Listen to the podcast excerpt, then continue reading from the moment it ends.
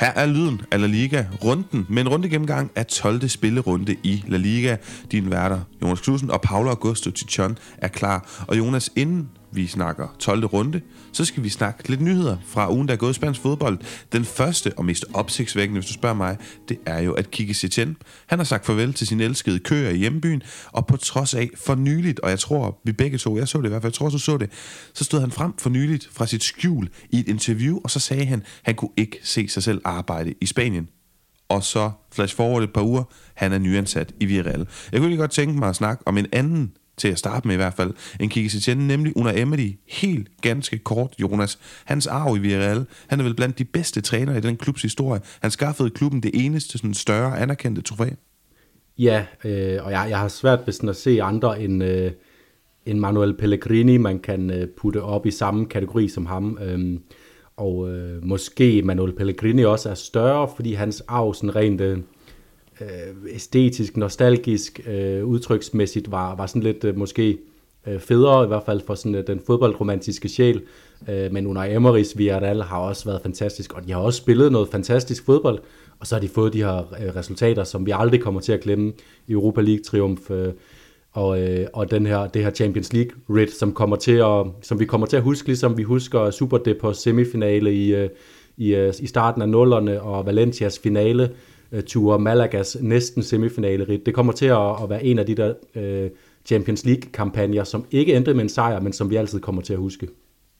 Ja, og så siger du det jo sjovt nok også, sammenlignet med Manuel Pellegrini, som jo stod i front for et Villarreal hold, som også kom i en Champions League semifinale. Der er sådan ja, næsten. De, de røg jo lige præcis i kvartfinalen øh, i øh, 95. minut overtid til, til Dortmund. Nej, det var Malaga. Nu snakker jeg om Manuel, Pellegrinis Villarreal. Nå, undskyld, ja. Men det var også Manuel Pellegrini med, med Malaga, nemlig. Ja, ja, lige præcis, lige præcis.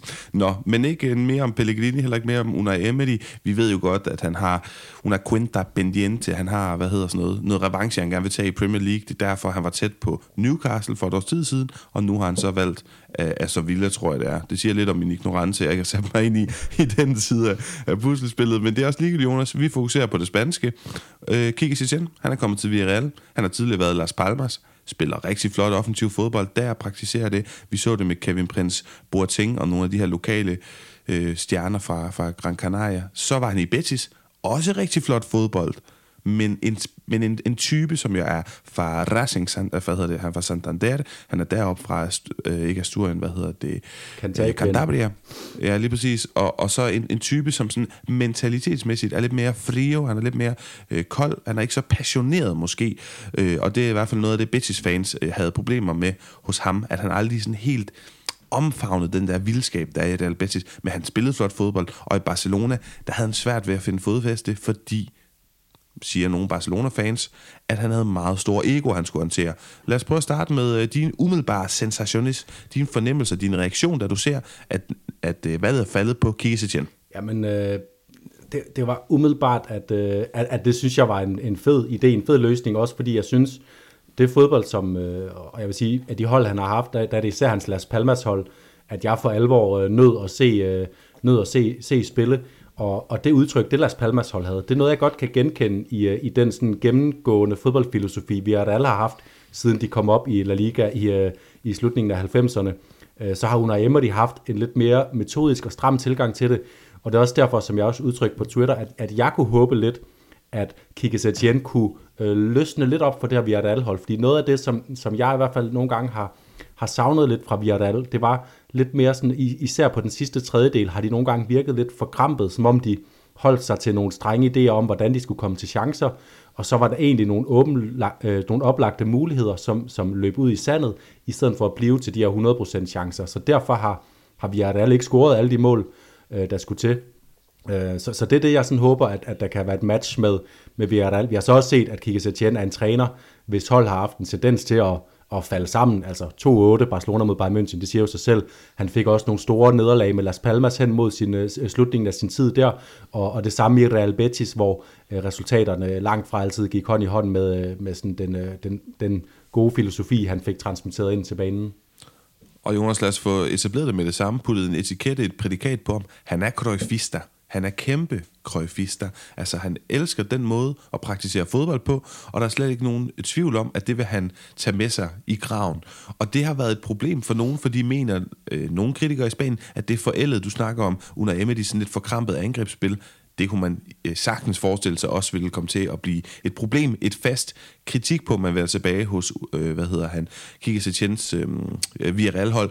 Jeg snakkede jo med Risa Dumisi forleden og spurgte ham lige noget kort og spørge ham ind, fordi han jo havde Kike Setien, og vi skal huske, at, at det Betis-hold, hvor, hvor de begge var på, altså Risa og Kike, var jo øh, det første rigtig gode Betis-hold i de senere år, inden at vi så har set det her under Pellegrini.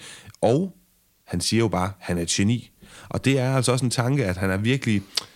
Ja, han bliver rost meget, og det er en meget, meget spændende trænerskikkelse, det her. Ja, han stod også i spidsen for Øh, Real Betis, da de spillede deres måske bedste kamp i La Liga i de sidste ja, 15-20 år, da de, de vinder på udebane over Barcelona, øh, hvor William Carvalho, så vidt jeg husker, styrer fuldstændig den der midtbane, Kike Setiens Cruyffisme øh, ødelægger øh, Cruyffismens øh, øh, øh, vugge, og man så må sige, at det er måske Ajax, ved, ved nogle hollænder mene, men, men der, hvor den rigtig har udfoldet sig på, på øverste hylde i, i Barcelona. Så, så, så der er nogle kæmpe meritter i hans, i hans tilgang til, til fodbolden. Øh, men, men som du siger, det kan også sagtens sande til. Vi har også set Barcelonas øh, øh, krøjfisme øh, sande til i mangel på chancer og sådan noget, hvor bolden bare kører rundt, og vi så jo allerede i, øh, i hans debut her i, i weekenden, at, øh, at de, de fik et historisk lavt antal skud på mål, øh, det laveste i den her sæson for noget af ligahold. Så altså, det, var, det var den første lille indikation på, hvad der også kan gå galt for, for Villarreal, fordi det er et hold, der kan massere bolden til, til evighed, men de skal simpelthen, øh, de, har, de har så mange dygtige øh, dynamiske spillere, Morales, Danjuma, Øh, Jackson, øh, Gerard Moreno, øh, Samu Chiguez, man kan blive ved, så de skal kunne komme til afslutninger. Ja, og vi glæder os selvfølgelig til at se, hvilke spillere han sådan for alvor kan rykke på, kan arbejde med. Man kunne også nævne en Jeremy Pino. Jeg forestiller mig jo, det bliver Dani Parejo, der bliver hjertet på det her hold. Ikke fordi han ikke har været det i forvejen, men sådan en lækker central spansk midtbanespiller, som bare kan ligge og, og støbe, øh, hvad hedder sådan noget, ja, guldbolde i virkeligheden rundt omkring på banen. Det må være prototypen på en Kiki Setien-spiller. Jonas, sidste mulighed for, at du kan få lov at indvende noget lige her, fordi vi skal også videre i nyhedshjørnet. Jeg kunne tænke mig at spørge dig, hvad er succeskriteriet for Kiki Setien? Jamen, øh, det er jo helt klart, der får Villarreal øh, i en bedre europæisk turnering, end den de befinder sig i nu, fordi jeg havde, øh, jeg havde jo Villarreal, som, øh, som de opmærksomme lytter vil høre, som, øh, som bedste bud på nummer 4 den her sæson.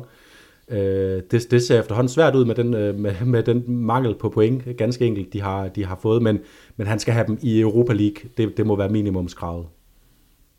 Modtaget. Og så skal vi videre i nyhedshjørnet, fordi fra øh, Via Real, fra Castellón, området, så hopper vi til, øh, ja, i virkeligheden er det jo Civitas Metropolitano, direkte ned lokalt i den spanske hovedstad, hvor vi i midtugen så, at Atletico Madrid ikke formåede at spille sig videre. Vi var begge to enige om, at det gør de da, det skal de.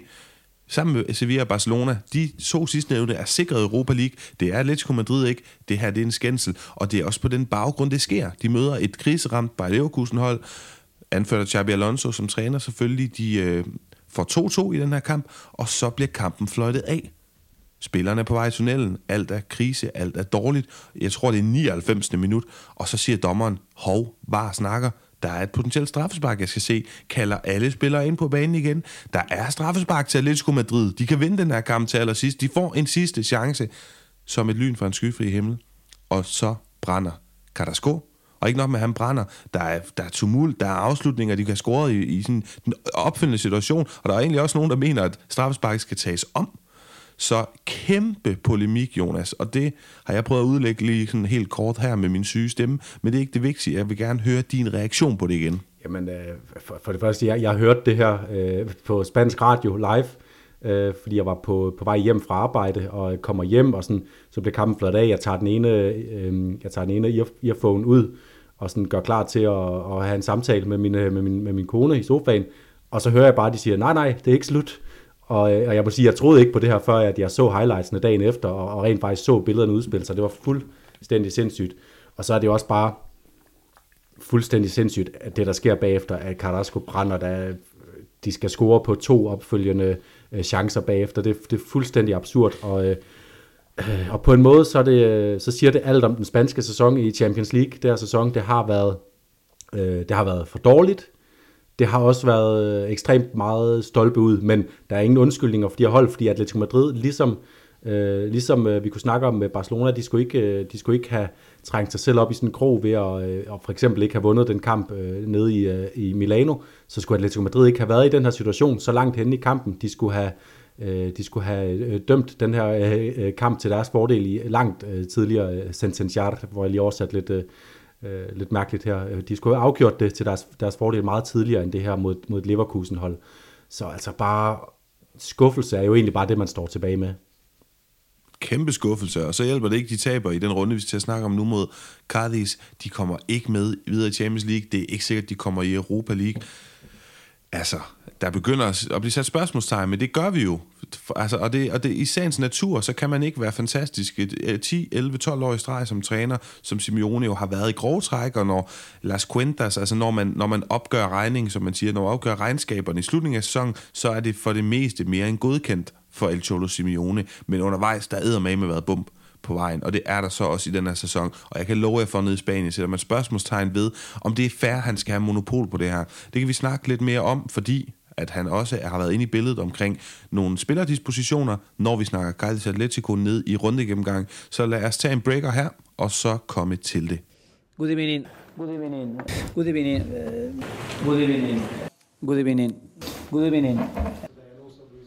Runde 12 blev sparket i gang fredag aften. Mallorca mod Rayo. 1-1 mål af Muriki og Lasso. Sidstnævnte med hvad der nok er rundens mål. Hvis altså man er okay med, at han prøvede at lave et indlæg, som endte ud som en flot scoring. Og så blev Mallorca snydt for fodboldhistoriens allerstørste straffespark kort før tid. Lørdag, første kamp, Almeria Celta 3-1 til oprykkerne for Almeria. Unge Gabriel Vega eller skav Kudé en fin start, men blev derefter udvist, og nu er Kudet sæde vel brandvarmt, Jonas?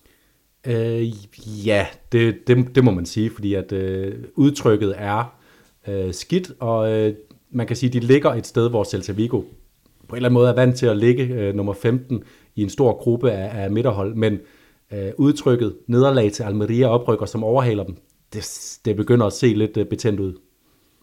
Husk, hvor god han var, da han kom ind som brændslukker for to sæsoner siden. Sidste sæson var ah, ni mas ni menos, det var sådan lidt midt imellem. Og så, at han starter så skidt ud. Jeg, jeg er altså ikke, øh, ikke overbevist om ham. Jeg tror, øh, ligesom en anden argentiner, vi snakker lige om lidt, om, at han skal være heldig, eller glad for, at der kommer VM, som er en naturlig pause, hvor man ikke har mulighed for at tabe flere øh, ja, La Liga-kampe. Men senere lørdag fik vi Gadis Atletico Partidazo. Hvem havde regnet med det? 3-2. Sjov Felix har været det store samtaleemne i Atleticos trup de seneste uger, fordi han tydeligvis ikke er interessant at bringe i spil for Simeone. Han fik revanche. Han kunne dog alligevel ikke klare ærterne selv. Han kunne ikke redde Atletico fra et nederlag alene, og vi diskuterer den her kamp mere i dybden om lidt. Sevilla Rayo 1-0 til lille Rayo fra lille Alvaro Garcia, der var målscorer, man of the match. Rayo lignede storholdet, Sevilla igen tandløse, og som jeg sagde med Kudet, så skal hans argentinske landmand, landsmand, synes jeg i hvert fald, Sampaoli, han skal være glad for, at der er VM om hjørnet, og dermed en pause, hvor man ikke kan tabe fodboldkampe, eller tabe ansigt. Ellers Jonas, så tror jeg altså godt, han kunne have været arbejdsløs inden, inden december. Ja, og jeg, jeg, jeg, jeg sidder simpelthen øh, lige nu med et indtryk af, hvis jeg var Monchi, så vil jeg skifte træner, når vi når til VM. Jeg vil øh, rulle, rulle det tilbage, jeg har valgt, fordi ja, det kan godt være, at Sampaoli øh, kunne være det rigtige for Sevilla, men det er han ikke med den trup, man har bygget op lige nu, som man har bygget til Lopetegi, som man bliver nødt til øh, at have en anden træner ind, som kan håndtere de spillertyper og håndtere den strategi, man bliver nødt til at lægge for dagen, hvis man vil have det bedste ud af Isco, Papu Gomez og, og alle de, øh, de, de lækre tekniske spillere, som ikke kan lægge tungt pres på modstanderne og, og spille hurtigt dynamisk fodbold. Aftenkampen lørdag, den hed Valencia mod Barcelona 1-0 til gæsterne. De katalanske af dem, Lewandowski selvfølgelig scorede. Jeg har tidligere mindet Xavi om, at points jo altså er bedre, eller i hvert fald vigtigere end udtrykket i fodbold. Det husker han på i den her optræden, hvor Lewandowski igen viste, at hans mission, det er at score mål, det er at sikre Barcelona mesterskabet igen efter snart fire års tørke. Søndag der fik vi Osasuna Valladolid 2-0. Osasuna fastholder fantasien om europæisk fodbold i den kommende sæson. Det kunne være klasse at få dem ud i Europa. Real Madrid, Girona, den blev 1-1. Jeg sagde det jo, Jonas. De kunne godt få sværere ved det end Barcelona. Og øh, ja, Kroos med første røde kort i karrieren. Girona med en vidunderlig fremvisning af deres fodboldidé, som heldigvis gav på det. Så fik vi Atletic Klub mod Villarreal 1-0 på mål af Iñaki Williams. Atletic er tilbage på sporet efter fire kampe uden sejr, og sidst men ikke mindst Real Sociedad mod Real Betis 2-0 til gæsterne for Betis. Nu begynder man lige at se så gode takter fra Real Sociedad, der kunne rykke lidt fra i uh, subtoppen eller toppen af tabellen, og Real Betis, som kæmpede lidt med at få tre point, og så bytter de kan man sige, over der. Jonas, hvor er det sådan lige umiddelbart, at vi skal bide mærke i den her runde, ud over de åbenlyse kampe? Øh, jamen, øh, jeg, jeg bider netop øh, mærke i øh, Real Betis øh, sejr over øh, Real Sociedad, som, som sådan det, for mig det, det største resultat i den her runde. Det var, jo, det, var, det var jo en runde, vi snakkede om, hvor det var meget svært at, at på forhånd øh, gætte, hvem der ville vinde de forskellige kampe, og det viste sig så sandelig også at være... Øh, at være fuldstændig, jeg, skal, jeg, jeg er glad for, at jeg ikke var odds så den her weekend i, i spansk fodbold. Men at Real Betis går ind og tager den der sejr, det er, det er sådan en gen, en generobring af, af første udfordrertitlen, kan man sige. Fordi nu har Real Sociedad også tabt øh, to kampe i streg. Øh, Real, Betis, de har, øh, Real Betis de har en, øh, en, øh, en, øh, nem kamp om hjørnet øh, mod, øh, mod Sevilla, som, øh, som er tre sikre point til dem, så, så de kommer bare til at rykke, rykke igennem op i toppen. Og dermed også til, til det andet bemærkelsesværdige resultat. Sevilla der taber hjemme til Rayo Vallecano. Det er ikke engang nogen øh, nyhed sådan rigtig længere, at Sevilla taber hjemme til et, et, af, et af de mindre hold, og nu ligger Sevilla under stregen. De har en målscore på minus 8. Det er fuldstændig fortjent efter spil og chancer og mål scoret og øh, udtryk, at de ligger dernede øh, af point med Getafe og Girona og, øh, og Cardis og, øh, og, og ligger til nedrykning lige nu. Så, så det er selvfølgelig bemærkelsesværdigt, at vi har Sevilla liggende der. Det kan man ikke komme udenom. Og efter 12 runder, det begynder at være en, en, en situation, hvor ligaen har sat sig.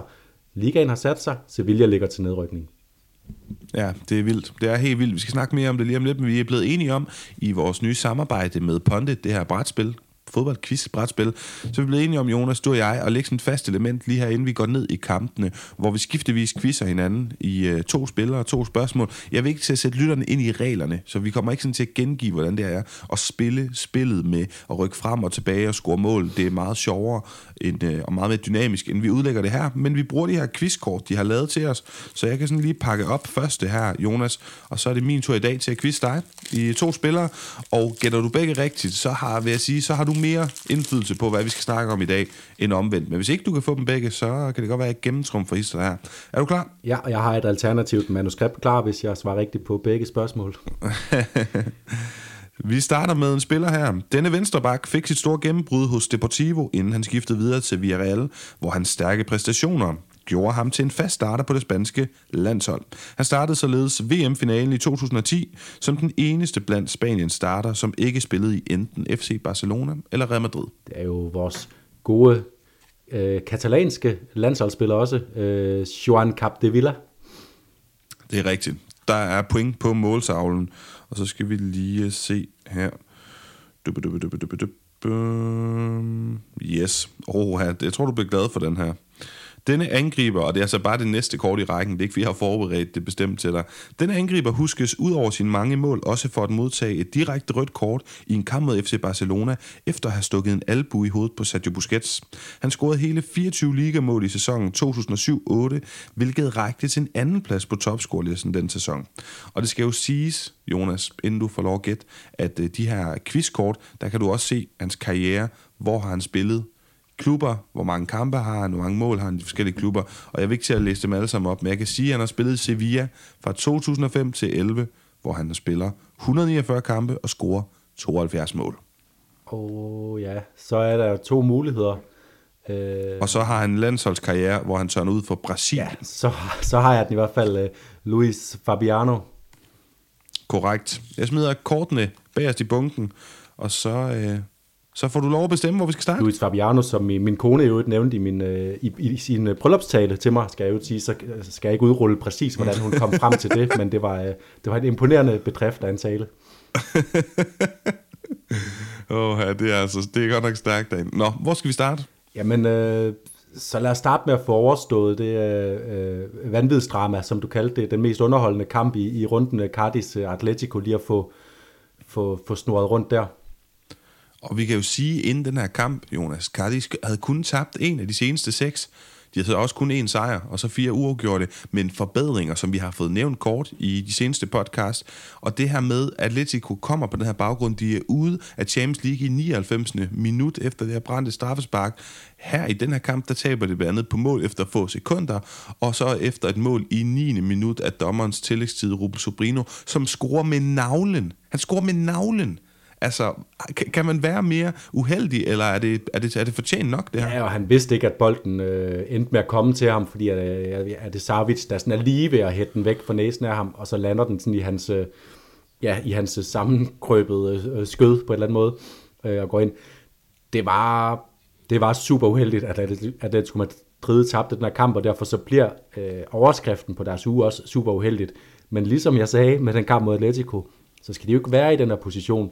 Øh, og man bare sige, det her det var sådan en kamp, hvor man tænker, de skulle nok have skiftet Joao Felix ind lidt tidligere, fordi er du gal, han fik en impact, da han bliver skiftet ind med, er det med en halv time tilbage, 25 minutter måske. Han, øh, han overtager bare kampen, han er nede og, og bygger spillet op fra bunden, han er oppe og afslut, og faktisk øh, i nærmest angrebet, inden at øh, Cardis får, øh, får afgjort det her 9 minutter ind i overtiden, der er Joao Felix, der stiger han også til værs og har en øh, rigtig god chance. Han hætter også egentlig får han hættet godt til den, men han hætter lige udenom stolpen, og så, øh, og, så, og så bliver det, i stedet for at vi skal sidde og snakke om Joao Felix fantastiske comeback, så er det, skal vi snakke om øh, Atletico Madrid, som står i, øh, i et øh, mørkt ingenmandsland efter en forfærdelig uge. Nu har du sat hul på det, så lad os bare lige tage øh, Joao Felix lige kort. Han er gået fra at starte, vi, vi kender jo den her hvad skal vi sige, historik omkring ham, kommer tilbage i 2019, dyreste spiller nogensinde i klubbens historie, og blandt de, hvad, 5-10 dyreste spillere nogensinde, og har jo vist prøver, ganske få, men i øjeblikket på, at han er en af de mest spændende fodboldspillere i verden, og så i de mellemliggende perioder ikke været kontinuerligt præsterende.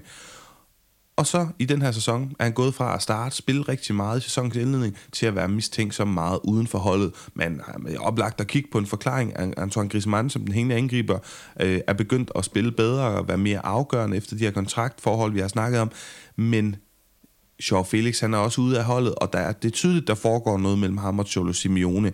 Hvad tænker du omkring den her situation, Jonas? Er det et motivationsspørgsmål? Og hvis du skal bare være ærlig, fordi det er jo også lidt den her pod, podcast, selvom vi, vi udlægger tingene nøgternt, prøver i hvert fald, så har vi også nogle følelser, holder med nogle, nogle protagonister, nogle hovedpersoner en gang imellem. Er du mere team Jean Felix eller Team Cholo her? og ja, hvis, hvis det står mellem de to, så er jeg mere Team Cholo, fordi øh, øh man må bare ikke underkende betydningen af, at øh, øh, det er vigtigere for mig at se for Atletico Madrids succes de kommende år, at Simeone bliver, også selvom at de går igennem en barsk tid lige nu, øh, end det er, at Joao Felix bliver. Øh, når det så er sagt, så, øh, så giver Joao Felix, Felix os jo sådan med, med jævne mellemrum trods alt de her oplevelser, som gør, at vi bare bliver nødt til at holde fast i det her lille håb om, at på et eller andet tidspunkt, så kan han give os de her oplevelser uge ind og uge ud. Jeg bliver bare for hver lange periode, som den vi lige har været igennem, der går, hvor han ikke viser noget, så bliver man jo bare mere og mere skeptisk og, og, og, øh, og hælder til den, øh, øh, den udlægning, der hedder, at han var stjernen, der ikke Øh, øh, ja, han, han brændte ikke ud, men han brændte i, hvert fald heller ikke igennem. Nej, jamen jeg er fuldstændig enig. Jeg synes, vi skal nå, og det er jo også et af de mantra, vi har i podcasten, at kigge på begge sider af sådan en fodboldkamp her. Kan du ikke lige hurtigt stikke mig et par spillere fra Cardis? Du var imponeret over den her kamp. Jo, men jeg synes jo, uh, Espino, uh, bakken, uh, er altid en, jeg, jeg lægger mærke til, fordi han, uh, Øh, man ser også nogle, øh, nogle nærbilleder af ham øh, til sidst i overtiden faktisk, mens, øh, mens det stadig står 2-2, og Cardis kæmper for, for øh, at overleve det her uafgjorte resultat hjem. Øh, hvordan han bare står og hiver efter vejret, men alligevel øh, øh, jagter bolden som, øh, som en gal. Øh, og så kommer han både øh, med frem, ikke altid på elegant vis, øh, og, og forsvarer sit område øh, med, med næb og klør. Ikke den mest talentfulde spiller, synes jeg, men, men sådan en spiller, der, der er indbegrebet af, hvordan der Cardis øh, skal, skal, skal, skal overleve. Øhm, så så, så det, det, det er nok en af dem, sådan, som jeg forbinder allermest med Cardis. Og et par ord på målmandspræstationen hos Cardis. Ja, altså, øh, det er jo... Øh, det er altid... Jeg troede, du var forelsket i, i Jeremias Ja, jeg er forelsket i at se ham spille, men jeg er også glad for, at han ikke øh, øh, spiller for, for det hold, jeg holder med, fordi han er, øh, han er flagrende type, som laver nogle øh, fantastiske redninger, men også nogle gange, så, så sidder man med sådan et indtryk af, at han lige klemte og koncentrerer sig på et rigtigt øjeblik, og så, øh, så dukker der nogle bolde ind. Men altså fine præstationer over hele linjen. Sergio Cardis øh, i bedring. Hvem havde troet det? Og det er vel kun Elche, som jeg også kommer tilbage til lidt senere, som ikke rigtig har, har fået slået fra sig endnu. Jonas, vi har mange ting på tapetet, så jeg synes, vi skal hoppe videre. Men altså flot Cardis sejr. Real Madrid, synes jeg, vi skal kigge på. Så gik den ikke mere, efter at have trumlet igennem i sæsonens første 16 kampe. Så kom første nederlag i midtugens sådan let og ligegyldige Champions League-kamp, og så straffede nu her et modigt og veloplagt Girona-hold, Real Madrid, som har været lidt nonchalant i sin attitude i mange kampe. De har ikke spillet sig voldsomt ud fra start, men mere senere i kampene, og så har de ikke på spansk siger man, og salir con el cuchillo entre los dientes, altså at komme ud til en kamp med kniven mellem sine tænder bide i en kniv, komme ud og sige, nu smadrer vi jer. Og det har vi ikke set fra Real Madrid, og det bliver straffet. Og der er selvfølgelig nogle forklaringer. For det første spiller Girona en rigtig god kamp. For det andet, Benzema's fravær. Vi har rost Real Madrids mere flydende angrebsspil, og de har formået at være så god uden. Prøv at tænke at tage Lewandowski ud fra Barcelona i, i en så lang periode. Det havde ikke set pænt ud, så Real Madrid har gjort det fint. Men så er Rodrigo ude med småskavanker, så er Valverde ude, Modric ude. Altså, jeg tror på en eller anden måde også, at det her det var et spørgsmål om tid, før at, at så gik den ikke længere. Ja, og Ancelotti bemærkede også efter kampen, at øh, udover Benzema ikke var der, så havde de været igennem lidt svær, ude, øh, svær uge. Altså både Valverde og Modric og Rodrigo havde, havde døjet med nogle småskader og var sådan lige blevet klar. Men man bliver selvfølgelig nødt til at spille dem, fordi Benzema ikke er der. Øh, og det kan jo lyde som en dårlig undskyldning, og det er det sikkert også, men, øh, men, men det er jo en undskyldning, der, der i virkeligheden, som Ancelotti også gør, be, gør, gør os opmærksom på, gælder for alle fodboldhold i hele Europa øh, lige nu, fordi at kampprogrammet er så tæt, som det er på grund af den her vinter. VM-slutrunde. Så som han også siger, kvaliteten er ikke så høj, og der snakker han ikke kun om sit eget Real Madrid-hold, det gør han også, men han snakker om kvaliteten i fodbold generelt lige nu, og det, det synes jeg også, jeg har lagt mærke til de kampe, jeg har set den her weekend. Det er ikke det er ikke super underholdende at se, se fodbold lige for tiden, fordi spillerne er mærket af kampprogrammet, og man kan også øh, være bekymret om, om øh, kvaliteten af den her forfærdelige VM-slutrunde i Katar, om den også bliver derefter. Det, øh, det, det må tiden jo vise. Ja, hvor der også bliver for høje temperaturer til, at man har lyst til at spille fodbold i virkeligheden. Men Jonas, øh, mindre om øh, VM i Qatar, mere om La Liga. Jeg synes, det er interessant at hæfte sig ved i den her kamp, at Girona, i forhold til det med nuancer, vi kan tit have, øh, alle folk, der snakker om, om, om fodbold, have sådan en tendens til at simplificere tingene og sige, at hvis du går højt i pres, så efterlader du en masse plads bagved. Og hvis du, øh, hvad hedder sådan noget, committer, hvis du kommer frem med mange mand til afslutninger, 3, 4, 5, 6 mand, er der plads bag til. Jeg synes, Girona var god til den her vekselvirkning. Stå dybt, ikke give noget plads til Madrid, når de angreb, men når de kom frem, så var de mange folk frem, og de kunne også godt presse højt. Jeg synes generelt, det var en sindssygt sympatisk øh, hvad hedder sådan noget, præstation for Girona og for Mitchells tropper. Ja, og grunden til, at de var gode til det, det var fordi, de gjorde intet andet, end at de dukkede op på Santiago Bernabeu og spillede deres eget spil. Og, øh, og for nogle udsendelser siden, der sad vi og snakkede om, at jeg sad og, og besang øh, højt, hvordan Real Madrid er et hold, der kan alle facetter af spillet. De kan ødelægge modstanderne i øh, kontrafasen, de kan dominere dem på bolden. Så hvad er løsningen, hvis man skal indrette sig efter Real Madrid? Hvad skal man så gøre? Øh, man kan jo ikke indrette sig efter Real Madrids spil, så derfor så bliver man bare nødt til at prøve at komme og være sin bedste version af sig selv, og det lykkedes Girona med, og jeg lægger blandt andet mærke til også og sådan for at forklare, hvorfor lykkes de egentlig med overhovedet at, at, at hive der point. I det 87. minut blev jeg mærke i, der var de oppe og presse højt, fuldstændig med hele holdet, øh, i, i sådan en kamp, hvor man normalt, når man spiller på Banabeo, vil man sidde og snakke om, og nu er modstanderne også ved at være godt møre, de har spillet godt med i 87 minutter, nu har de ikke mere i sig. Det havde Girona, fordi de bare spillede det spil, som de, øh, de prøver at gøre hver eneste kamp.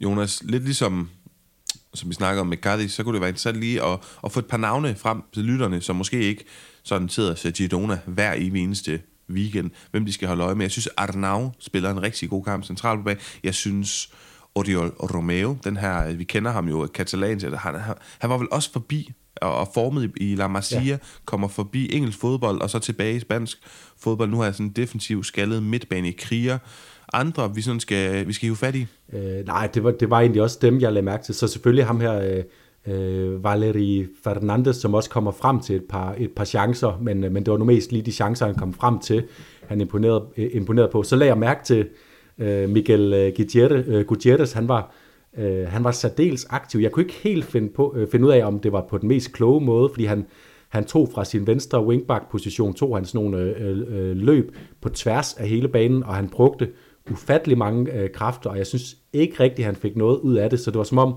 han var lidt for ivrig for at vise sig frem foran øh, sit, øh, sit, sit øh, gamle hjemmepublikum på, på Bernabeu, øh, så, så det blev sådan lidt... Øh, det blev sådan lidt øh, overilet, det han, det han øh, fik ud af det, men også en, en spændende spiller, synes jeg, der, der, der er værd at følge med i, fordi han har nogle øh, åbenbare kvaliteter. Øh, og så har vi Jan Kuto, øh, brasilianeren, som, øh, som, som kommer stærkt ind i nogle dueller. Også er en øh, dygtig fodboldspiller frem af banen, kommer, kommer godt med i nogle situationer, for, øh, øh for, øh, ja, for, for skabt nogle farlige situationer. Så, så jeg synes, der er flere spillere øh, at lægge mærke til, men, men jeg er faktisk også enig i Arnau, øh, 19-årig øh, spanier hjemme, øh, egenavlet Girona-spiller. Det er jo sådan en, man kan, man kan tænke om, han er en, der, der, der ligger, ligger sådan an til at, at skulle ige, øh, videre igennem øh, City Football Group-systemet på et, på et tidspunkt, for jeg synes, han, han har fået en rigtig god start på sin karriere. Mm. Jonas, øh, vi kunne også fortsætte, for eksempel ved at nævne, at Mariano Diaz, han jo jeg synes, jeg forstår ikke, hvorfor man ikke bruger ham noget ofte. Vi ser også her, at han faktisk er interessant at bringe i sådan nogle her kampbilleder. Jeg vil langt hellere bringe ham, hvis jeg har brug for et eller andet, øh, en reaktion, noget anarkisme på mit hold, øh, før jeg vil bringe Asensio, før jeg vil bringe Eden Hazard, som jo bare er, er fuldstændig glemt. Altså det kunne være interessant at se, om han overhovedet befinder sig på udskifterbænken, eller om han bare sidder derhjemme. Øh, det er jo sådan lidt, øh, for at drage en, en, en, ja, en udvalgt parallel, Luke de Jong, som mange Barcelona-fans kritiserede sidste sæson, men han blev ved med at score mål. Han var god i luftrummet. Mariano Diaz er ikke lige så god i luftrummet, men han er ekstremt aggressiv, og kan vinde mange dueller. Han er meget hurtigere end, end for eksempel øhm, Luke de Jong. Så jeg synes, jeg forstår ikke, hvorfor man ikke prøver at køre ham lidt mere ind som plan B i en periode. Selvfølgelig skal det forstås, hvor Benzema mangler. Men inden vi hopper videre til FC Barcelonas kamp, mod Valencia, så kunne jeg altså godt lige tænke mig ganske kort at hæfte mig med Sevilla Rayo Jonas, fordi Rayo Vallecano, vi har rost det meget sidste sæson, igen den her sæson fortsætter de. De har fået uafgjort mod Barcelona, mod Atletico Madrid, sejr mod Sevilla, og om en uge kommer Real Madrid på besøg. Den her klub er vel den i Spanien, der er mest forbundet til den her tanke om Mata Gigantes, Jonas. Altså den her tanke om at, at være, ja, hvad skal vi oversætte det til? Har du et, et fint øhm, dansk ord, vi kunne hive på? Ja, øh, Nej, det kommer ikke lige frem i, i hovedet på mig. Kæmpe, kæmpe slagterne. Nej, storholdsslægeren. det er jo ikke et dansk ja. ord. I hvert fald Mata Gigantes, altså et hold, der er gode til at slå de meget større hold ihjel ved at vinde over dem. Og de er jo halvvejs mod overlevelse efter blot 12 runder. Pointmæssigt, Jonas, det er rigtig flot af, af, af Rayo og Andoni Raola, og der er slet ikke nogen tvivl om, slet ikke nogen tvivl om, at det er det primære mål, og så må man se, hvad der kan ske efterfølgende. Vi så dem sidste sæson have et ekstremt flot efterår, og så dale helt vildt helt vildt i niveau i foråret. Så det vigtigste er bare, som de selv siger, først muligt til de der 38-40 point, som plejer at betyde overlevelse, og så må vi tage den derfra. Men øh, ja, jeg skal bare lige høre, har du et andet hold, som du tænker er mere Mata Gigantes end Rayo? Øh, Le- Le- Nå nej, de er rykket ned, Levante, men ellers var det jo øh, Levante, der har haft den rolle de sidste år, hvor vi altid kunne se dem øh, øh spille nogle fantastiske kampe mod, øh, mod de store hold, og, og ved at score mange mål simpelthen mod dem, øh, øh, feje benene væk under dem det er nok uh, Rayo Vallecano, der er det bedste bud lige nu. De fik jo også uh, det her øh, 0-0 på Camp Nou, som, uh, som du vist også nævnte. Uh, jeg kan ikke lige se andre. Måske Girona er ved at blive det, også fordi de er sådan en... Uh, de har en ubehagelig spillestil, fordi at de er, er tro mod deres koncept, som jeg, som jeg snakkede om. Og sidst de var oppe i La Liga, der gjorde de altså også uh, gentagende gange livet surt for, for, for de, de allerstørste hold. Jonas, så kan jeg godt tænke mig ganske kort også lige, vi nævnte Sampaoli i resultatoplæsningen vi kunne have forventet os, eller vi har forventet os mere af San i forhold til det manglende aftryk, vi har set. Det er trods alt syv kampe, han har været spidsen for holdet nu, og vores uh, gode civilista, ven Tim Larsen, han øh, skrev lidt med ham, hvor han skriver, det er jo også svært at mønstre et pres med spillere som Rakitic og Jordan og Suso og Papu Gomes og Isco. Der er nul fart og nul aggressivitet, men ganske kort kan du lige få lov at uddybe, at vi jo bare er skuffet over Sampaolis første syv kampe. Ja, og det er jo en det var sådan en katastrofe, man øh, har kunne se komme. Altså, det var lige præcis de ting, vi sad og, og sagde, da han kom til. Øh, de har vist sig at holde stik. Han, kan ikke, han har ikke det materiale her, der skal til for at, øh, at, at bygge hans spillestil op. Og øh, det, der så skulle være sket, for at man kunne forsvare den ansættelse, det var, at der var blevet antændt et eller andet øh, ild i Sevilla-spillerne. Øh, så øh, selvom at de ikke kan presse højt, så kunne det være, at de øh, Øh, var ekstra engageret i sagen, eller øh, gik ind i duellerne, når de i det mindste kom til dem. Da, da, da, jeg synes ikke, der rigtig er nogen af de her ting at spore. Vi så også i, i midtugen, hvordan, øh, hvordan FC København fra den danske Superliga var, øh, var fuldt på omgangshøjde, hvis ikke i perioder bedre end Sevilla i den fodboldkamp, og egentlig burde øh, have fået et resultat med hjem fra, øh, fra, øh, fra det andalusiske. Så, så det er bare en kæmpe skuffelse, og som jeg også lige fik, fik sagt, da du spurgte mig i introen der, jeg synes, Monty han skal skynde sig og sadle om, vise øh, omverdenen, at man kan godt indrømme, at man har taget fejl.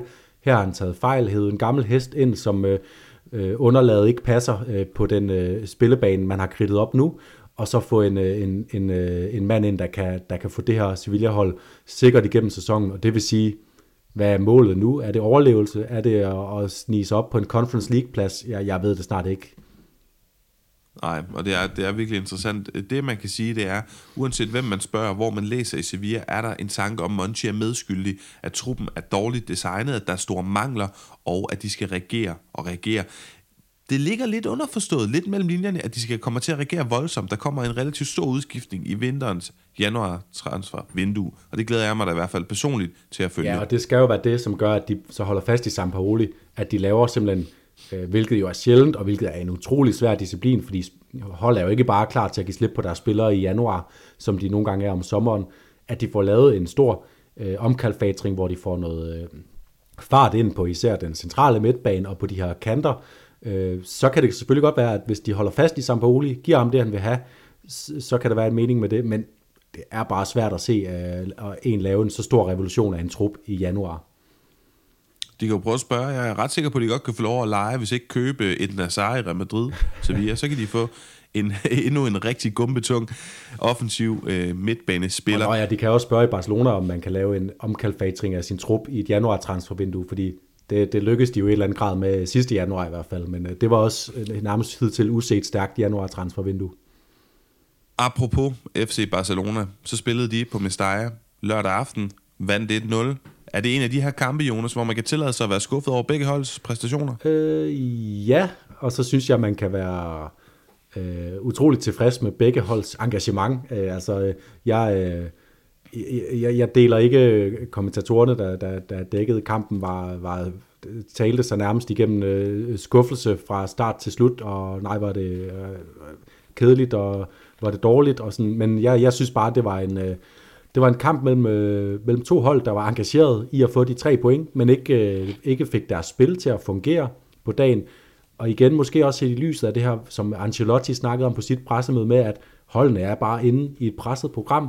Øh, Valencia havde mange skader, Barcelona havde nogle skader, begge hold fik nogle skader i løbet af kampen, som også fik ændret deres, øh, deres, øh, deres kamp, kampplan. Så jeg synes, det var, det var egentlig en kamp, jeg nød relativt meget at se, fordi at øh, trods det manglende niveau, så var holdene så super engageret. Vi så jo også al den her morbo, der var til sidst i, i kampen med øh, slåskampe. Ferran Torres var involveret lige foran sit eget øh, gamle hjemmepublikum og fik for alvor tændt op øh, under dem, som allerede var i gang med at pifte af ham. Så, så jeg synes, det var en, det var en sjov fodboldkamp at se, selvom kvaliteten ikke var i, øh, i top. Og så er Xavi jo begyndt at lytte til os i podcasten, fordi han begynder, i hvert fald venstrekanten er til salg, så er det Rafinha, så er det Ferran Torres, og så er det Ansu Fati, som startede den her kamp. Øh, det samme med den ene midtbaneplads. Pedri og Busquets, det er sådan rimelig sikkert. Men nu begynder Frenkie de Jong også at få mere og mere spilletid på midtbanen i stedet for Gavi. Hvordan synes du, de to, skal vi kalde dem vikar, har gjort det? Frenkie de Jong og Ansu i den kamp her? Jeg synes, øh, Ansu startede kampen relativt fint øh, og var involveret i meget. Øh, jeg må så sige, det, det er skuffende, at han ikke får mere ud af det, og en af årsagerne til, at han ikke får mere ud af det, er blandt andet, at han at han løber offside, og, øh, og du må sige, øh, øh, at offside det er nogle gange sådan lidt en, en undervurderet øh, øh, kriterie for at henholdsvis rose et forsvar og kritisere angrebsspillere. Når man løber offside som angrebsspiller, så har man begået en fejl. Det kan jo selvfølgelig godt være, at nogle gange det er medspillernes skyld. Det synes jeg ikke, det er i de tilfælde her for Ansu Fati. Han, øh, han forivrede sig og manglede det overblik, der skulle til øh, for, for at komme ind og blive afgørende, blandt andet ved at ja, blive dømt offside. Og Frenkie de Jong? Øh, jeg, synes, han er, jeg synes, han er en god spiller for Barcelona hver eneste gang, han spiller. Han er, han er, han er, det kan godt være, at det ikke var den her kamp, der han var sådan mest. Der var ikke rigtig nogen spillere, der var sådan i øjenfaldende på deres kvalitet, som vi også uh, snakkede om. Men jeg synes, Frenkie de Jong er, uh, er en mand, man gerne vil have på sin midtbane. Det vil nærmest hvilket som helst hold i verden, i hvilken som helst kamp, synes jeg.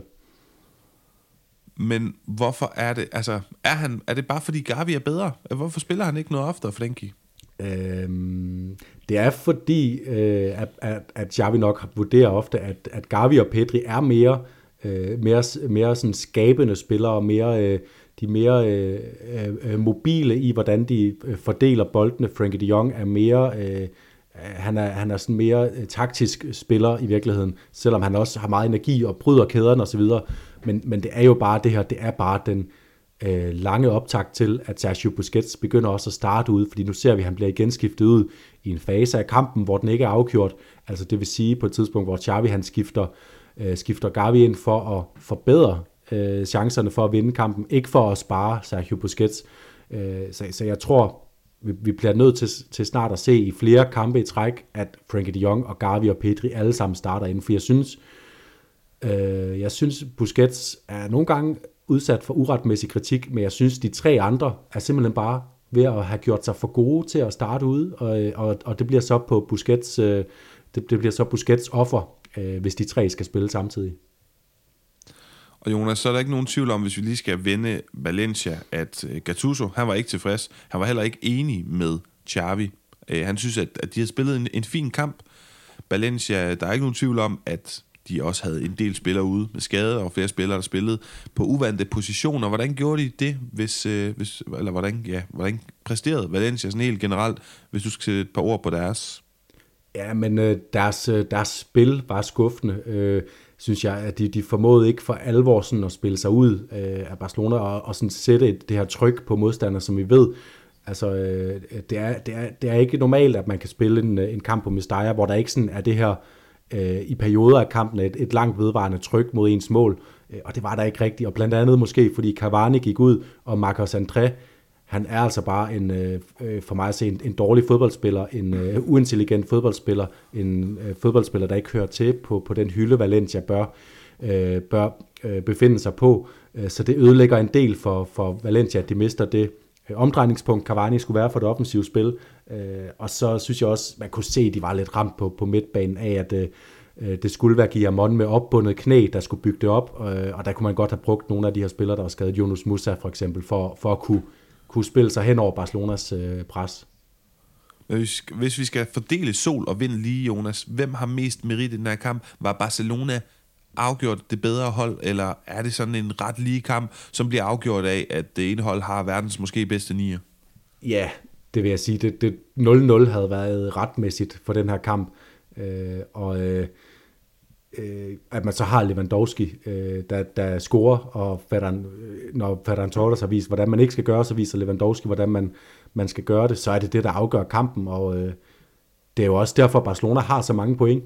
Altså lige nu, øh, det er jo, det, der, er jo, der er jo flere kampe, hvor de har spillet øh, sådan lidt under par. Det her var måske en af de, de grallere, hvor tingene slet ikke fungerede. Det er også, øh, der, der er så mange ting, der talte imod, at Barcelona skulle kunne spille en stor kamp. Altså det her med at have Balde på højre bak som, øh, med, det, med det forkerte, med, med det øh, øh, fejlvendte ben.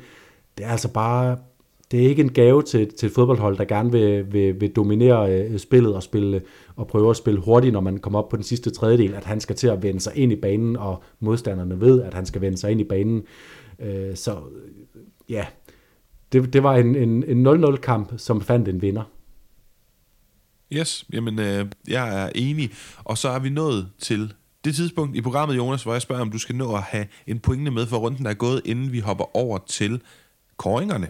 Ja, jeg, vil, jeg vil gerne lige, lige vende lige kort tilbage til, til Real Madrid, øh, fordi, fordi jeg, jeg noterede mig, hvorfor er det, at, øh, at, at Real Madrid, øh, nu, nu har vi snakket om, at de godt kunne klare sig uden Benzema, øh, og det har de også kunnet. Hvorfor er det så, at de i, i den her kamp mod Girona ikke kunne klare sig uden Benzema? Og det var altså simpelthen fordi, øh, Rodrigo og Vinicius, de skulle ligesom, øh, det, var, det, var, det var meget tydeligt, at det var de to, og så til dels Valverde, der skulle skiftes til at udfylde øh, den her rolle med at komme ind i feltet. Og der var ikke rigtig nogen af dem, der lykkedes med det. Der var, der var for tomt derinde, og derfor så blev det et, øh, et skydetelt. Real Madrid havde rigtig mange langskud, og selvfølgelig, som jeg også noterede mig, Girona kunne ikke blive ved med at give Real Madrid de her langskud. På et eller andet tidspunkt ville de have scoret, så ender det så alligevel med, at Vinicius til sidst finder det her løb, og så et fantastisk assist af Valverde, som vi ikke lige nåede at komme rundt, øh, som ser ham over på bagerste stolpe, og så får Vinicius netop fyldt op Det skulle han have gjort øh, tidligere i kampen. Jeg synes også, øh, Vinicius, han havde en ufokuseret kamp, hvor han igen havde for meget fokus på at prøve at få frisbak, og øh, krigende fjode til dommeren, når han følte sig uretfærdigt behandlet af alle mulige årsager. Lige så snart han havde scoret, så var han fokuseret igen, og var Vinicius, der var farlig. Så hvis han havde øh, fokuseret lidt mere fra start, så kunne det være, at han også havde fået udfyldt det her tomrum efter Benzema lidt tidligere, end han gjorde, og så havde Real Madrid måske været foran 2-0, da øh, Girona fik det her ja, spændende straffespark. Ja, det kan vi måske snakke mere om senere. Nu var, vi, nu var det gået så godt, Jonas. 45 minutter ind i udsendelsen, og vi havde ikke snakket dommerpolemik i Valencia, Barcelona, her heller ikke. Altså, når, ja, vi klarede den ikke helt til, til enden, men 45 minutter klarede vi der uden, og jeg synes også, øh, apropos de her brasilianere, unge brasilianere, der har gjort det så godt for Real Madrid den senere tid. Rodrigo var jo øh, syg natten op til opgøret kastede en masse op. Også noget, man måske skal have med i, øh, i ligningen. Altså, jeg er også øh, småsløj og synes, at det er hårdt at lave en podcast lige nu. Hvordan det så må være at, at ligge inde på Bernabeu's græstæppe og skulle score mål, det, øh, det tør jeg faktisk slet ikke at, og, øh, og forestille mig. Men Jonas, med din note omkring det mystiske straffespark til Girona og Vinicius manglende koncentrationsevne, synes jeg, vi skal hoppe til koringerne, som kommer efter den her breaker, og så snakke om meget mere, for det plejer jo at føres ud i alle mulige mærkelige snakke. Så dem kommer vi med her.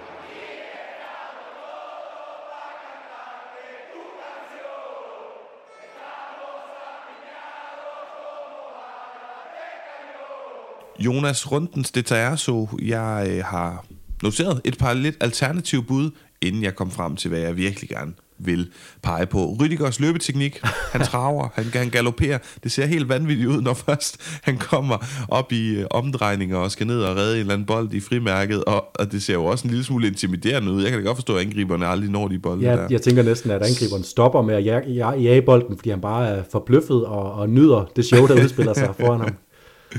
Ja, lige præcis. Men det er jo ikke en detalje, vi sådan typisk ser i, i spansk fodbold, eller forbinder med spansk fodbold. Det, det er heller ikke den, som...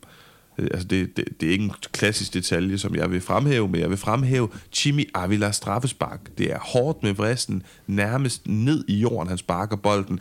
Alt i hans krop indikerer ligesom tyngdepunktet, at han vil sparke til venstre. Det gør han, det er tørt, tørt hugget ind, det er hårdt, stolpe ind, ingen chance for Edeta i, i målet, og jeg synes bare, at det er flot at selvom Gabriel Vega scorer et flot langskudsmål, Alex Fernandes medtagning og mål mod Atletico Madrid var også virkelig flot. Men mit bud, det er Chemi Avila straffespark. Ja, og jeg vil lige starte med at sige, yo no soy jardinero. Hvad betyder det? At jeg er ikke en havemand. ja, det var Ancelottis uh, svar, da han blev spurgt, uh, hvad han synes om uh, græstæppet på Banabeo og så var den ligesom lukket. Øh, vi kender Ancelotti, øh, hvordan han bare kan lukke en debat med at løfte sit øjenbryn og, øh, og, og sige en sætning som det. Det var et af mine alternative bud på en detajasso, men jeg har altså også noteret mig Jimmy Avila, og havde også tænkt mig at, at tale mig frem til, at det var det straffespark, der skulle være rundens detajasso. Og det er jo, vi, vi balancerer på en knivsæk, fordi man kan også argumentere for, hvis man, hvis man nørder straffespark, at det der, det er ikke et sikkert sparket straffespark. Nej, jeg synes, det er dårligt sparket, ja, men det er bare så kuriøst. Men det er jo også godt sparket, fordi målmanden går til den rigtige side, men han har ikke en chance for at nå den. Så det, det, det er på en måde perfekt sparket straffespark, men det er også et straffespark, man ikke vil anbefale sine spillere. Altså, hvis jeg var, øh, hvis jeg var der starter, så vil jeg lige sige til Jimmy, at næste gang find lige en anden måde at sparke på, fordi det der, det er for risikabelt. Men når han nu lykkes med det, så synes jeg, det er kæmpe detaljasso at, at, at sparke den hårdt, så hårdt, og så flat ind på et, øh, ned langs stolpen. Øh, det, det, det fortjener også ros at tage nogle chancer en gang imellem, og så lykkes med det. Og for en gang skyld er vi enige, Jonas. Det var ikke ved, kan jeg afsløre, fordi øh, i min forudsigelse, der bliver jeg uenig med noget af det, du siger tidligere i dag i udsendelsen. Men lad os tage det, når den tid kommer. El Juan, den der jornada, spilleren, der stod ud. Jeg er altså gået med Jeremias Ledesma. Jeg synes, det var, det var, det var fremragende underholdning at se ham parere ordre og afslutninger nede i Cadiz mod Atletico. Ja, men det er, det er en færre point. Jeg har, jeg har faktisk jeg har noteret mig Joao Felix, fordi det kunne det have været, men, øh, men eftersom øh, det går sådan, at, at Cardis vinder, så er Ledesma øh, et bedre bud. Vi må også give merit til, til, til de spillere, som ender som sejrsherre. Den anden, jeg har, øh, har, har spillet med, det er en, som du også fik nævnt i, øh, i, i rundegennemgangen i, i forbindelse med Real Madrid Girona, nemlig Oriol Romeo. Han spiller en fuldstændig fremragende kamp, og øh, det kan godt være, at Real Madrid midtbanen ikke var på toppen, Øh, Øh, Modric måske lidt træt, Chouameni var ude. Jeg synes faktisk, Kammervengar i øvrigt spiller en, øh, en rigtig fin kamp for, for Real Madrid, men Oriol Romeo, han endte faktisk med i, i perioder og, øh, og dominere den her midtbane, som vi næsten kun har set øh, Almeria midtbanespillerne Eguadas gøre mod Real Madrid i, i den her sæson. Øh, så jeg synes, øh, Oriol Romeo bliver mit bud, og, øh, som så står for, for Ledesma, og så ved jeg ikke, om det er min store succes med at besvare din pundit-spørgsmål, der, der afgør det til Romeos, for, øh, øh, til Romeos fordel, eller om du synes, Ledesma er tilpas meget bedre til, at du vil holde på ham.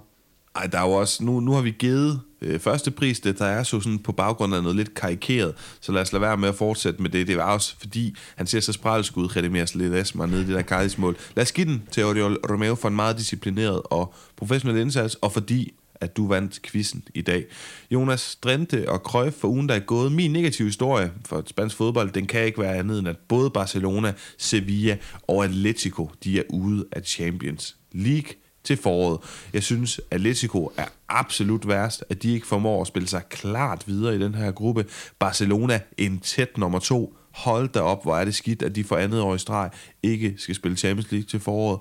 Og Sevilla er også skuffende. Altså, jeg er meget skuffet over alle tre. Men i den orden. Ja, og øh, jeg har noteret den samme. Det, der kan ikke være andre øh, øh, historier, der er mere negative fra spansk fodbold den her uge. Øh, det er første gang i hvad, 20 år, øh, ja, at, øh, der ikke er, at der kun er et hold med videre. Øh, det er så godt, at det er det bedste bud på en titelvinder, i det mindste, vi har sendt øh, videre fra det, fra det spanske. Men øh, ja, og jeg er, også, jeg er også enig i den orden, du sætter dem i. Sevilla jeg er ikke så overrasket over. De er en gruppe med Manchester City, hvor man ved, at de formentlig vil tabe to kampe, og så var det sådan lidt op til de her Dortmund-kampe, om man kunne gøre noget. Og når Sevilla så ikke er bedre, end at de også ligger til nedrykning i La Liga, så er det en svær pulje at gå videre fra. Barcelona, ja, øh, hvad skal der ske herfra? Øh, altså, altså, så er det næste, man spørger sig. Jeg, jeg tænker øh, mere, endnu mere, end, end vi tænkte sidste sæson, så bliver de nødt til at prøve at vinde den her Europa League. De bliver nødt til at, at, at, øh, både for Xavis øh, egen skyld, men også for, for hans, øh, øh, det projekt, han er i gang med at, at søsætte, og prøve at vinde den her Europa League, og ligesom få den her vinderfornemmelse ned under neglene. Det kan godt være, at det ikke kommer til at overgå historien som et af de største trofæer i Barcelonas historie, og som en vigtig begivenhed i, i klubbens historie, men hvis de skal vinde, hvis de skal gøre sig forhåbning om at byde sig til Champions League øh, de kommende sæsoner, så bliver de nødt til at, at få noget vinder mentalitet ind, også i de her unge gutter, som ikke har prøvet det, altså Petri, Gavi, øh, Balde osv. Og jeg er fuldstændig enig i god pointe, og jo, du kan da godt bygge et fornuftigt hus i fremtiden på et fundament af at have vundet Europa League, eller Copa del Rey for den sags skyld, eller Supercopa de España. Men Jonas, lad os bare lige, nu nævner du det. Jeg havde egentlig ikke forberedt, at vi skulle snakke, men lad os lige adressere, at det jo i virkeligheden handler om, succeskriteriet for FC Barcelona i den her sæson, det er at vinde La Liga. Ja. Fordi hvis du ikke vinder La Liga, om du så vinder Copa del Rey, og du vinder Øh, Europa League, og du vinder Supercopa de España, så vil man være næstbedst i Spanien. Du vil være næstbedst, du er ikke kommet videre fra Europa League, det er en farse, det er en fiasko, og, og, og tæt på en skandale i sig selv. Så det er jo det, og jeg synes at det kunne være interessant. Jeg vil da sige med det samme som i aktager, så vil jeg synes, det var mega interessant, hvis de bare fra den ene dag til den anden spillede den vildeste omgang tiki-taka med genpres, og vandt Copa del Rey-finalen 8-0, og, og Europa League-finalen 8-0, men det er vigtigere, at de med møg og besvær og lodder og trisser vinder La Liga for sådan øh, selv, hvad hedder sådan noget, selvbilledet. Selvforståelsen, og, og det var også derfor, man så den reaktion, som, øh, som Morten Brun også bemærkede i kommenteringen. Det er sjældent, man ser øh, Barcelona-spillere være så øh, jublende lykkelige. Altså, vi hørte Lewandowskis krig, han stod så også lige tæt på en mikrofon ude ved, ved, ved sidelinjen, men vi hørte hans jubelbrøl, da dommeren fløjede af, fordi de havde vundet en kamp på den her måde. De ved udmærket godt, hvor vigtigt det er, at, øh, at de i det mindste ikke bliver hægtet af Real Madrid. Nu har de så oven i købet, fordi øh, Real Madrid spillede uafgjort mod Girona, indhentet to point på dem den her runde, så, øh, så, så deres uge ender med, og den ender jo faktisk på en, på en positiv note efter, efter ellers forfærdelig ydmygende midtuge. Så, så, så sådan en lille positiv øh, øh, salt i, øh, i den negative suppe.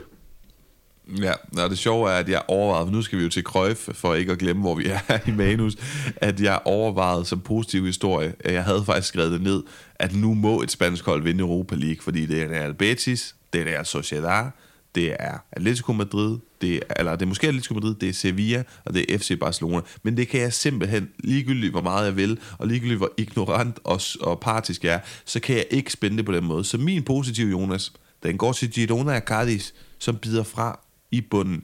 Og det er jo faktisk alle hold i La Liga, undtagen Elche, der har noget at byde ind med i den her sæson. Og det synes jeg er hamrende sympatisk og mega fedt, fordi så var der snakket om, nu er Barcelona tilbage. Real Madrid og Barcelona 100 point. Jeg har lige siddet og fremskrevet, og jeg er ikke god til matematik, så det er med forbehold for fejl, men jeg har siddet og fremskrevet deres point nu efter 12 runder, hvis de fortsætter det her pointsnit. 82 point eller var der 83 til Real Madrid, og 81 eller 82, i hvert fald et point mindre til FC Barcelona. Ikke noget i nærheden af den der form for voldsomme dominans med 100 point, vi snakker om. Lad det fortsætte. Ja, det er også det, vi har set de sidste øh, 4-5 sæsoner. Der har mesterskabsholdet ligget sådan et sted mellem 84 og, og 88 point, så vidt jeg husker. Øh, så, så, så det er også realistisk, at det er der, det ender.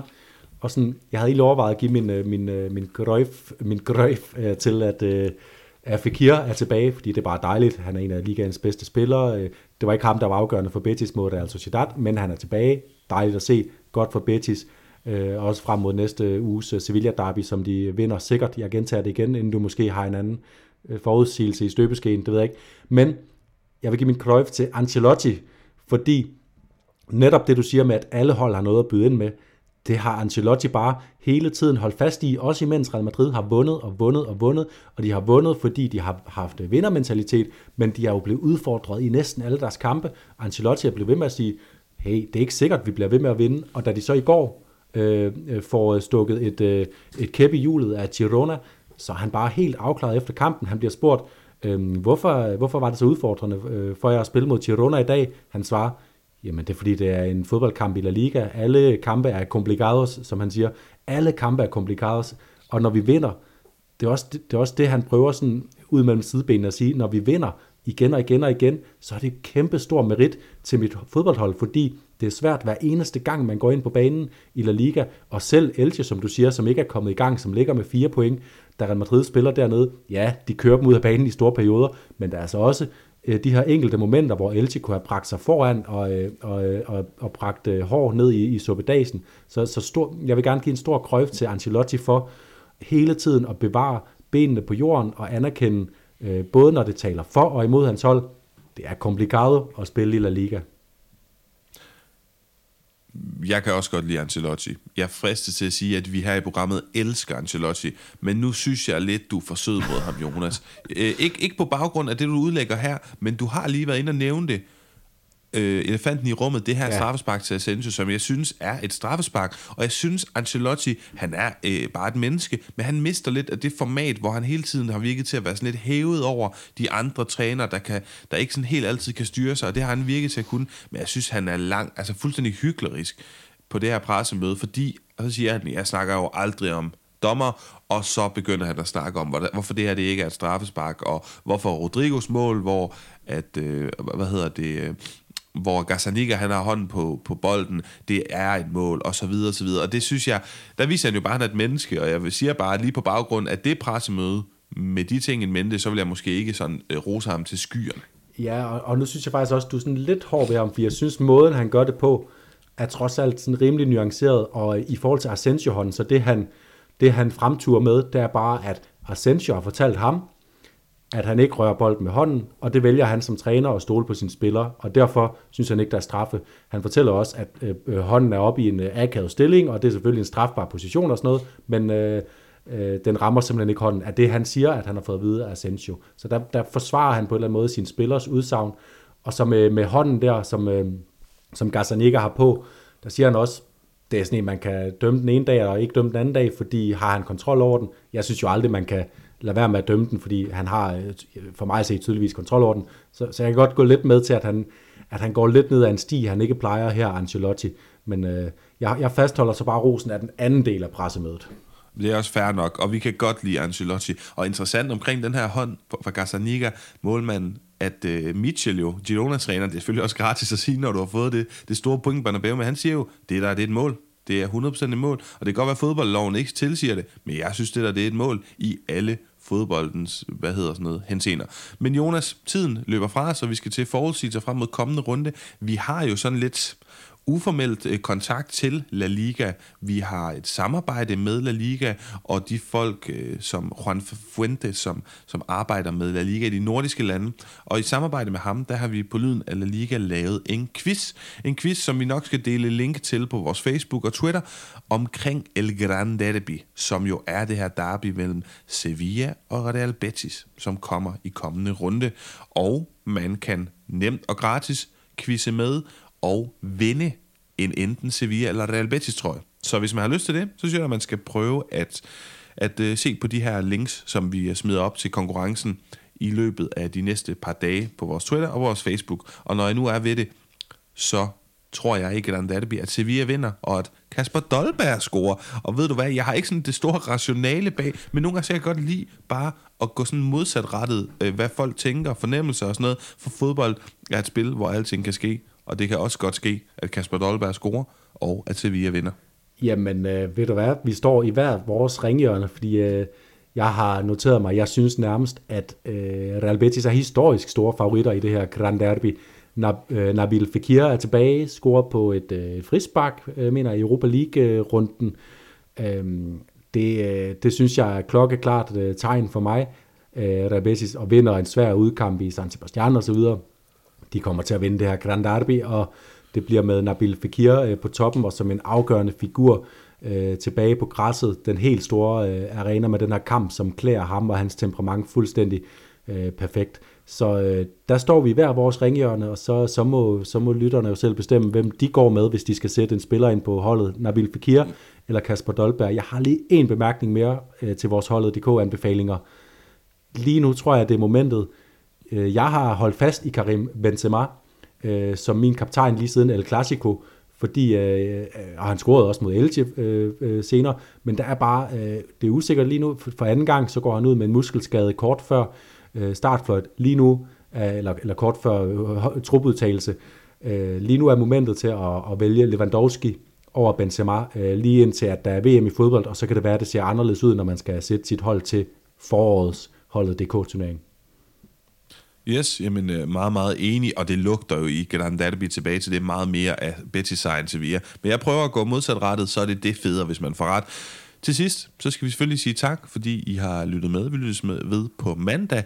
Hvis man keder sig og har lyst til at øh, arbejde med, eller beskæftige sig med spansk fodbold, så kan man jo gå ind på Pundit og købe det her spil, der normalt står til 600 kroner i bæredygtige materialer, der støtter lokalfodbolden, som er rost af diverse danske fodboldeksperter, fra jeg tror det er Mads Juncker til Peter Gravlund osv., man kan købe det, og så sparer man 100 kroner, så koster det 500, og hvem får de 100 kroner, så de kan arbejde videre med podcasten? Det gør Jonas og jeg. Så det vil vi da i hvert fald blive glade for, og man kan jo bare hvis man ikke selv har lyst til at købe det, sige det videre til sine venner, der kunne være interesseret i det. Koden er lyden, L-Y-D-E-N med stort, alle store bogstaver, og så 20 bagved, og så får man altså de her 20% rabat.